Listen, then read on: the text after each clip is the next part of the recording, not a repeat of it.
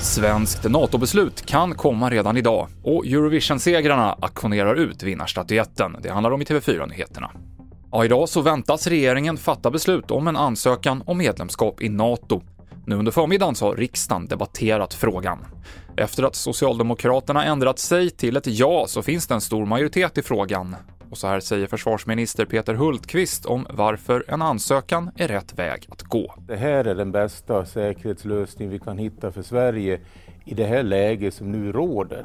Därför att hamna ensam utanför, det hade utsatt oss för en större skörhet och en större exponering gentemot Ryssland.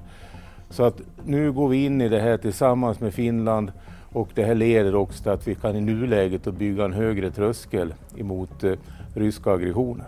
Och så här säger Sverigedemokraternas partiledare Jimmy Åkesson om varför hans parti har svängt i frågan till ett ja. Eh, den 24 februari har förändrat säkerhetsläget för hela vår omvärld och även för Sverige. Finlands process har också förändrat förutsättningarna för oss så att nu finns det bara ett alternativ. Röster från dagens riksdagsdebatt och all vår NATO-rapportering hittar du på tv4.se och TV4 Play. Uppdaterade covid-vaccin från Pfizer och Moderna väntas bli tillgängliga i Europa under hösten.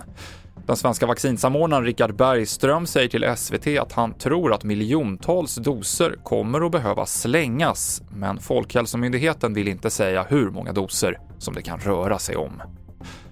Och Eurovision-vinnarna Kalush Orchestra ska sälja vinnarstatyetten på auktion.